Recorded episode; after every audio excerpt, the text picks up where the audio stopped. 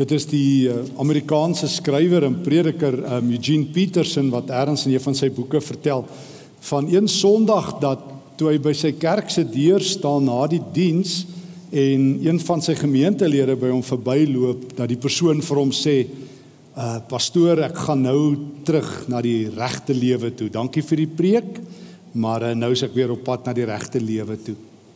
En Eugene Peterson sê vir hom die regte lewe was pas hier binne gewees. Jy gaan nou na 'n wêreld toe wat besig is om te vergaan, wat aan die uitsterf is. Die koninkryk van God is die realiteit. Die koninkryk wat Jesus gebring het. Dis 'n gevaarlike koninkryk. Dis 'n koninkryk wat met vreugde begin, Maar dis 'n koninkryk wat 'n kruis kos. Kom ons lees soos wat God in Markus 1 vers 9 tot 11 sê wanneer die koninkryk van God die wêreld in volspoed tref. Dan hoor jy God se woorde. Ongeveer daardie tyd het Jesus van Nasaret in Galilea afgekom en hy deur Johannes in die Jordaanrivier gedoop. Dadelik toe Jesus uit die water opstaan, sien hy hoe die hemel oopgaan en die Heilige Gees soos 'n duif na hom toe afkom. En 'n stem uit die hemel het gesê: "Jy is my geliefde seun, jy is 'n kind." So na my hart toe breek die koninkryk van God met krag in. En dan gaan Jesus en hy begin preek Markus 1:14 en 15. Later nadat Johannes gearresteer is, het Jesus na Galilea toe gegaan om God se goeie nuus aan te kondig. Hy het gesê die tyd het aangebreek. God se koningsheerskappy gaan nou enige oomblik begin. Kom tot inkeer. Glo die goeie nuus. Toe raak goeie nuus grond. Toe breek 'n nuwe koninkryk in hierdie wêreld in. 'n Koninkryk met 'n nuwe koning genaamd Jesus. 'n koninkryk wat subversief is, bedoelende dit dit is gevaarlik, dit destabiliseer, dit dring in, dit meng in. Dit dit neem ander koninkryke oor. Dit gebeur nie gesentraliseerd nie. Daar's nie ergens 'n hoofkwartier en dan's daar troepe en 'n administrasie nie. Nee, dit is daar waar Jesus is. Maar ons moet nou al vir mekaar sê hierdie koninkryk is lewensgevaarlik. Daarom lees ek dat daar 'n doodloopstraat is waarmee ek moet rekening hou. Die koning van hierdie koninkryk word gekruisig. Dit eindig suid wanneer die koning van die koninkryk aan die houtkruis hang die Vrydag en uitkreet in Markus 15 vers 34. Eloi, Eloi, lama sabachthani. As 'n mens dit vertaal, beteken dit my God, my God, hoekom het U my verlaat? Wat het gebeur? Wat maak die koninkryk van God so gevaarlik? Wat maak hierdie koninkryk waaroor ons in hierdie 40 dae nadink so 'n risiko? Wel hierdie koninkryk staan teenoor godsdiens en alle ander ryke. Dit klink vreemd, maar formele godsdiens soos wat dit in Jesus se tyd toe hy op aarde was, gestalte aangeneem het, was die groot vyand van hierdie vreemde nuwe koninkryk wat met Jesus inbreek, hierdie koninkryk wat vra bekeer julle. Dink anderster, leef anderster want die koninkryk is hier. En dit begin daar in Galilea in Kapernaum. As jy um, Markus 2 tot 4 lees, sal jy baie gou agterkom dat daar twee ryke teenoor mekaar staan en die verstommende is dat die een ryk formele godsdiens is. Ek lees in Markus 2 sommer by die openingswoorde dat wanneer daai lam man daar deur die dak laat afsak word tot voor Jesus se voete in Petrus se woonhuis. En Jesus sê jou sondes is vergewe. Dat dit is hoe Jesus se koninkryk lyk en dat die koninkryk van godsdiens dit nie kan vat nie. Wie dink hy is hy dat hy sonde kan vergewe? Godslasteraar met ander woorde, doodsvonnis. Dit is wat hom uh, te beurt gaan val. Maar so sê Jesus word jy deel van die koninkryk, jou sondes moet vergewe word. En en en dit is nie aan nie want die mense soek in die eerste plek 'n wonderwerk en lyk vir my vir godsdiens is 'n wonderwerk nie wanneer jou sondes vergewe word nie. Selfs die vriende wat daai man laat afsak, hulle sê nee nee nee, Here Jesus, ons wil hê hy moet eintlik gesond word. Dis die groot wonderwerk. Daaroor kan 'n mens getuig. Maar Jesus sê, "O, jy word net deel van die koninkryk van God as die hemelse register reg is. As jou sondes afgeskryf is en jou naam opgeskryf is in die boek van die lewe." So breek hierdie koninkryk in. Al moet Jesus dan 'n godslasteraar genoem word. Al moet hy dan die skokkende doen om in Kapernaum sondes te vergewe. Maar so breek God se koninkryk in wanneer jy wat 'n sondaar is by God hoor afgeskryf betaal. Dit maak godsdiens woedend want godsdiens werk nie so nie. Godsdiens werk met reëls en regulasies. Godsdiens werk met ons soort mense. Daarom nog 'n skok, sommer net daar in Markus 2 vers 13 dat Jesus ook verkeerde mense nooi om deel te word van God se koninkryk. Leefie, tollenaars, die ouens wat daar op die rand bly, die slegte ouens, die ander damse eende, die ouens met wie jy nie meng nie, die ouens wat 'n slegte invloed op jou kinders is. Tollenaars, die diewe, die geldsteelers.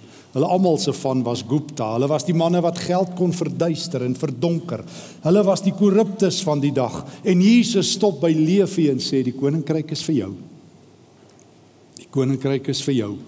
O, die eerste belangrike ding, jou sondes moet vergewe word, maar tweedens, Jesus moet jou nooi kom. My arms is oop. En weer 'n keer is godsdiens briesend. Wie dink hy is hy? Wie dink hy is hy dat hy sondes kan vergewe en dat hy sommer enigiemand kan nooi? Ons het reëls het hy nie geweet nie. Het hy nie besef nie daar is toelatingsvereistes. Dis fatsoenlike mense, ons soort mense wat kom, nie daai soort aan die oorkant van die straat in die donker kant van die lewe En tog sê Jesus, ek het nie gekom vir mense wat gesond is nie, maar vir die siekes. Kom asseblief. So lyk die koninkryk. Die koning van die koninkryk sê jy kom met sondevergifnis in. Tweedens, alle mense welkom wat bereid is om my te volg. Jy hoef nie fatsoenlik, heilig, veilig, voorspelbaar en moontlik vervelig te wees nie. Jy kan maar net kom maar dat dit 'n doodsvonnis dalk werd is. Dat dit gevaarlik is om die koning van hierdie koninkryk te volg. Dat die koninkryk van God jou lewe gaan vra. Dat dit jou iets gaan kos is gewis. Markus 3 vertel dit. En die disippels kom dit baie gou agter as Jesus uh, op die Sabbatdag in Kapernaum se sinagoge 'n man genees. En alle woede losbars teen Jesus Het hy nie geweet nie daar is ook reëls hoe om Sabbat te hou. En die Sabbatdag in ons godsdienstige reëls is belangriker as mense. Hierdie godsdienstiges besluit. En dan val die eerste doodsvonnis teen Jesus. Markus 3 vers 6 die Fariseërs het besluit om hom om die lewe te bring. Hierdie koninkryk moet gebreek word. God se koninkryk is te opreiend, te subversief, te gevaarlik te ontstellend, te skokkend. Ons moet God se seën van God se aarde af verwyder. Ons moet die koninkryk van God stop. Dis nie net in 2019 dat Christene in die gevaar is nie. Dis nie net in 2019 dat Christene nie meer die smaak van die week of die geur van die maand is nie. Dis nie net in 2019 dat godsdiens onderdruk is nie. So die koning van die koninkryk dit bedoel. Dis gevaarlik. Ek lees 'n geweldige ding wat gebeur met mense van ander koninkryke in Markus 3 vers 5. As Jesus na hierdie klomp ander mense kyk wat God se koninkryk wil rem, dan staan daar in vers 5 hy het hulle kwaad aangekyk, woedend aangekyk. Die woede van God het in Jesus pos gevat en hy was diep bedroef. Weet jy, hier is die enkele meeste emosie in een vers in die hele Bybel van Jesus wat beskryf word. Daar het twee dinge by Jesus gebeur met almal wat sy koninkryk teenstaan, dat daar 'n woede is, 'n heilige woede, 'n goddelike toorn, maar aan die ander kant 'n diep bedroefheid.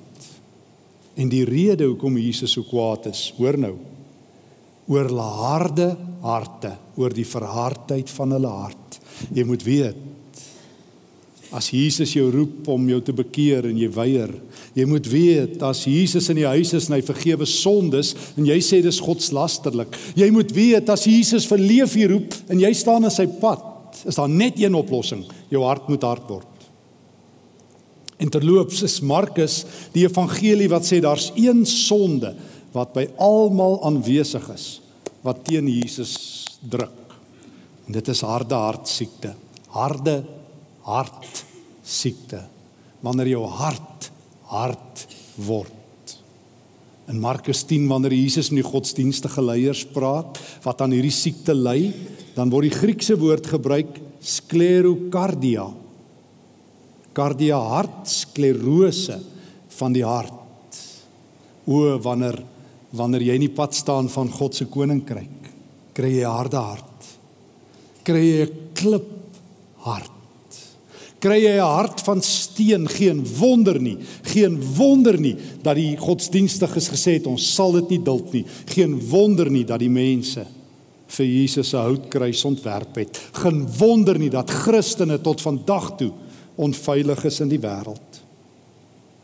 Amerikaanse vriend vertel my net 2 2 weke, 3 weke gelede toe ek daar was van een van sy studente wat ehm um, by die universiteit in by die universiteit een professor instap en toe die professor sien hierdie hierdie meisie het 'n kruis om haar nek toe stop hy haar toe vra hy vir is dit 'n ornament daai kruis of is dit 'n religieuse stelling?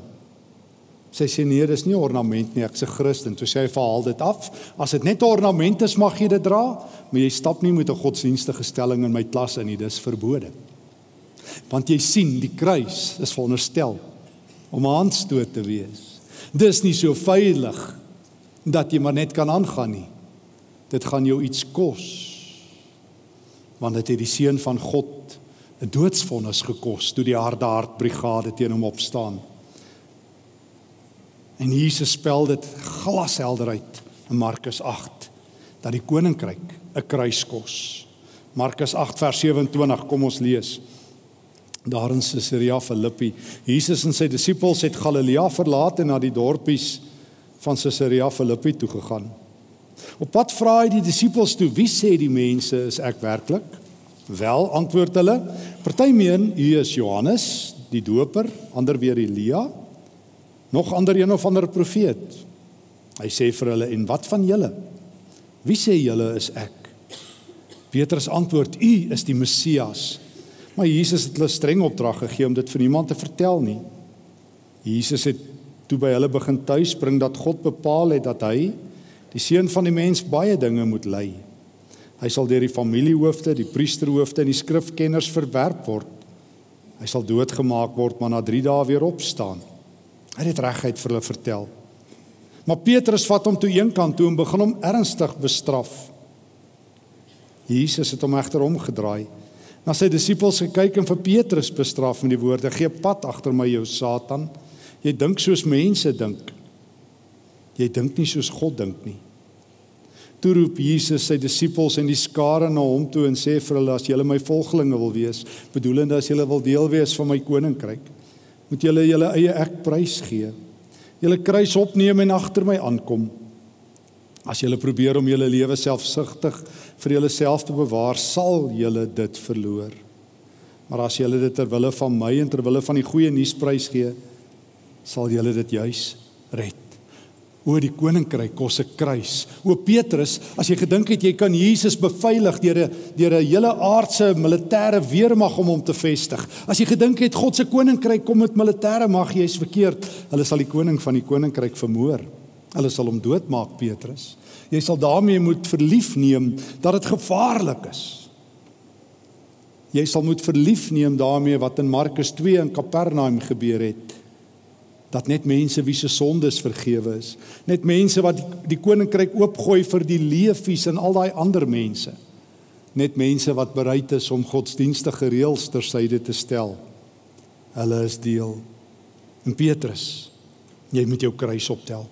En Petrus, jy moet jou lewe verloon. En Petrus, jy moet jou lewe verloor. Anders is jy nie deel nie. Dit kos. Dit kos jou lewe. Nog altyd. Kos dit 'n kruis. Jy gaan jou lewe verloor. Ek sê dit altyd vir myself en vir ander mense. Die lewe is so hard dat ons almal eendag onsself mors dood gaan lewe. Hoopelik nie vandag nie, maar eendag. Die lewe is hard. Jesus weet dit. Hy sê jy gaan jou lewe verloor. Verloor dit betyds vir my, maar onthou dit kos 'n kruis om my te volg. Nie in die eerste plek 'n kroon nie, eers 'n kruis, dan 'n kroon. Eers 'n beker, dan 'n troon. Eers 'n kruis, dan 'n kroon, eers 'n beker, dan 'n troon. Geen ander volgorde nie. Kies as jy my wil volg. Kom tot bekering. Maak jou arms oop vir ander mense. Word deel van hierdie lewensgevaarlike koninkryk. Maar dit gaan jou kos. En dan daar in Matteus 16 waar hierdie selfde woorde voorkom as in Markus 8, voeg Matteus by dat Jesus dan vir Petrus sê Petrus, hierdie belydenis wat jy nou oor my gemaak het, U is die Christus. Weet jy wat? My koninkryk sal daarop gebou word en nie eers die hel sal dit stil maak nie. Koninkryke kom en koninkryke gaan. Dink net hoeveel koninkryke het hierdie wêreld al oorleef. Die magtige Babiloniërs, die Assiriërs, die Romeine, die Grieke. Jy noem hulle die Persiese ryk, die Turkse ryk, die kommunistiese ryk. Hulle kom en hulle gaan. Groot superkorporasies in die wêreld, magtige maatskappye kom en dan gaan hulle en die koning van hierdie koninkryk se ryk bestaan. Want onthou jy wat het hy in Markus 4 gesê oor die koninkryk? Onthou jy wat het Jesus geleer toe hy daai gelykenis van die koninkryk vertel het dat die koninkryk soos 'n mosterdsaadjie is. Dit val in die grond en dit gaan dood soos die man aan die kruis doodgaan en dan ontkiem dit en dan bars dit die wêreld vol want die gees gaan hierdie koninkryk dra en dit sal onstuitbaar en onkeerbaar wees. Die koninkryk gaan wen, maar dis 'n moeilike koninkryk. Want daar's nie 'n weermag nie en soldate nie en 'n regering nie en militêre beheer nie. Um en en en jy moet jou bekeer om deel te wees en jy moet vir leefie plek gee om deel te wees en jy moet die godsdienstige reëls laat val om deel te wees en jy moet jou harde hart prys gee om deel te wees. Maar o, as jy deel is aan die kruis dra gaan die koninkryk van God wen. En daarom leer Jesus in Markus 10 vers 45, leer hy sy disippels: Ek het nie gekom om gedien te word nie, maar om te dien. Soos jy deel word van my koninkryk, word jy 'n dienskneg, gaan dien jy die wêreld met my liefde, gaan dien jy die ander koninkryke, want want jy gaan elke dag in ander koninkryke werk en speel en optree. Elke dag gaan daar politieke koninkryke rondom jou wees wat gryp na jou hart. Elke dag gaan daar ekonomiese koninkryke wees en sportkoninkryke. Elkeen bou hulle eie koninkryk. Almal met hulle harde harte. En jy, jy gaan my kruis dra. En jy, jy gaan my dienskneg wees. En jy, jy gaan verkondiger wees. Jy gaan saam uitroep koninkryk van God is op hande. Die koninkryk wat groei, wat selfs in Suid-Afrika nie doodgebloei kan word nie, waar mense hooploos en moedeloos is, waar almal godsdiens probeer teenstaan. O, nie is die poorte van die hel sal triomfeer nie. Maar daarom in Jerusalem word God se kind vermoor aan 'n houtkruis, want in Jerusalem as Jesus daar aan instap in in Markus 11 tot 14 en sy vader se hoofstad op aarde besoek, dan sê godsdiens onwelkom. En daarom het ons aan die begin daai woorde gehoor dat daar uiteindelik vir hom net een plek oor is en dis aan 'n houtkruis. Dat die hoofpriester, die hoof van die godsdiens van die dag, van die eintlike veronderstelde koninkryk sê kruisig hom. En dat die skare van Jerusalem sê kruisig hom kruisig hom. En dan hang Jesus aan die houtkruis in Markus 15 en dan skree hy dit uit my Vader het U my ook verlaat? Maar nee nee want ons is by Markus 16 ons is aanderkant die kruis want want jy moet een ding van die kruis onthou as jy nou na hom kyk is dit kaal. Jesus is nie meer daar nie. Maar daar's nog beter nuus. Die graf is leeg. Hy het opgestaan en hy leef En dis waar die koninkryk breek en dis waar ons ons bevind in hierdie 40 dae van afwagting. Die Here van die koninkryk het opgestaan. Dit is soos hy gesê het. Dit is soos hy gesê het in Markus 10, hy sal doodgemaak word en in Markus 8 en in Markus 9. Maar daar sit 'n engel in die graf vir ons wat huil, wat sê, "Wat gaan ons doen? Hoe gaan ons leef?" En die engel sê, "Julle soek verniet na hom hier, so hy's nie tussen die dooies nie. Hy het opgestaan en hy leef." En hy se reis voor ons, hy sal ander kant die dood en hy sê julle sal moet hardloop om my in te haal want Jesus is met 'n opmars in hierdie wêreld besig en hy het 'n nuwe weermag en hy het, hy het getriomfeer en julle en ek sal as disippels hom moet inhardloop en ons sal hom die wêreld vol moet volg en ons sal sy koninkryk moet uitdra om wat te doen? O om saam met God te sê dit is my geliefde seun luister na hom. Om saam in Kapernaum te buig en te sê vergewe my sondes. Om saam met Leefie te sê jy's ook welkom aan hierdie tafel. Om nie 'n slaaf van godsdienstige reëls te wees nie, om my kruis te dra met my belydenis. Want hierdie koninkryk is besig om die wêreld oor te neem. Toe die Here Jesus opgestaan het uit die dood en toe die Heilige Gees uitgestort het op Pinksterdag, was daar skaars 120 mense. Vandag is daar oor die 2 biljoen Christene. Niks kan hierdie koninkryk keer nie. O, die regte wêreld is hier. Jy is volgende deel van die regte wêreld. Moet jou nie laat bluf deur die ander konings en die ander koninkryke se trompet geskaal wat jou probeer oortuig die regte wêreld is daar. Dis daar by die politiek en daar by die ekonomie en daar by jy noem dit nie. Die Here het vir jou 'n paar geestelike missiele gegee wat jy kan afvuur op daai ander wêreld. Jy is 'n burger met jou bekertjie koue water, met jou klein gebed, met jou stukkie dien, met jou woorde, hierdie paar woorde wat sê Jesus is die Here, sidder die hel. Dit is hoe die koninkryk van God in hierdie donker wêreld aanbreek deur gewone mense, deur Jesus wat voor ons uitstap. En jy en ek, wat doen ons? Jesus nooi jou. Verloor jou lewe vir my. Volg my. Gee jou lewe vir my. En ek sal by jou wees al die dae tot aan die einde. Daar's 'n nuwe koning. Daar's 'n nuwe koninkryk. Daar's 'n ander koninkryk wat wen. Jy is klaar deel daarvan as Jesus jou Here is. Jy's klaar deel daarvan as jy hom volg. Hy ruk jou harde hart uit. Hy gee vir jou 'n hart van vleis en hy stuur jou om hierdie wêreld vol te lewe. En in hierdie 40 dae as jy in afwagting en sê, Here, wys my. Here, leer my. Here, gebruik my. Hoor die woord van die Here. Amen. Here Jesus. Daar is baie koninkryke rondom my. Ek leef elke dag tussen hulle en binne in hulle. En dit lyk vir my baie keer asof die koninkryk verloor. En nou hoor ek die goeie nuus vir 2000 jaar en ook op hierdie Sondag wen u triomfeer u. Hoor ek die Vader wat uitroep dit is my geliefde seun. Hoor ek Here Jesus u wat sê die koninkryk van God het aangebreek. Leer my om om u te volg. Leer my om u kruis te dra. Leer my om leeg te wees van myself minder van myself en meer van u. Gebruik my paar woorde my paar dade van omgee sodat die koninkryk sal aanbreek. En in hierdie 40 dae van afwagting saam met Handelinge 1 wil ek my lewe oopstel, Here. Dat die Gees se krag oor my sal waai sodat ek 'n waardige burger 'n vlagdraer van die koninkryk van God sal wees. Hier is ek, Here.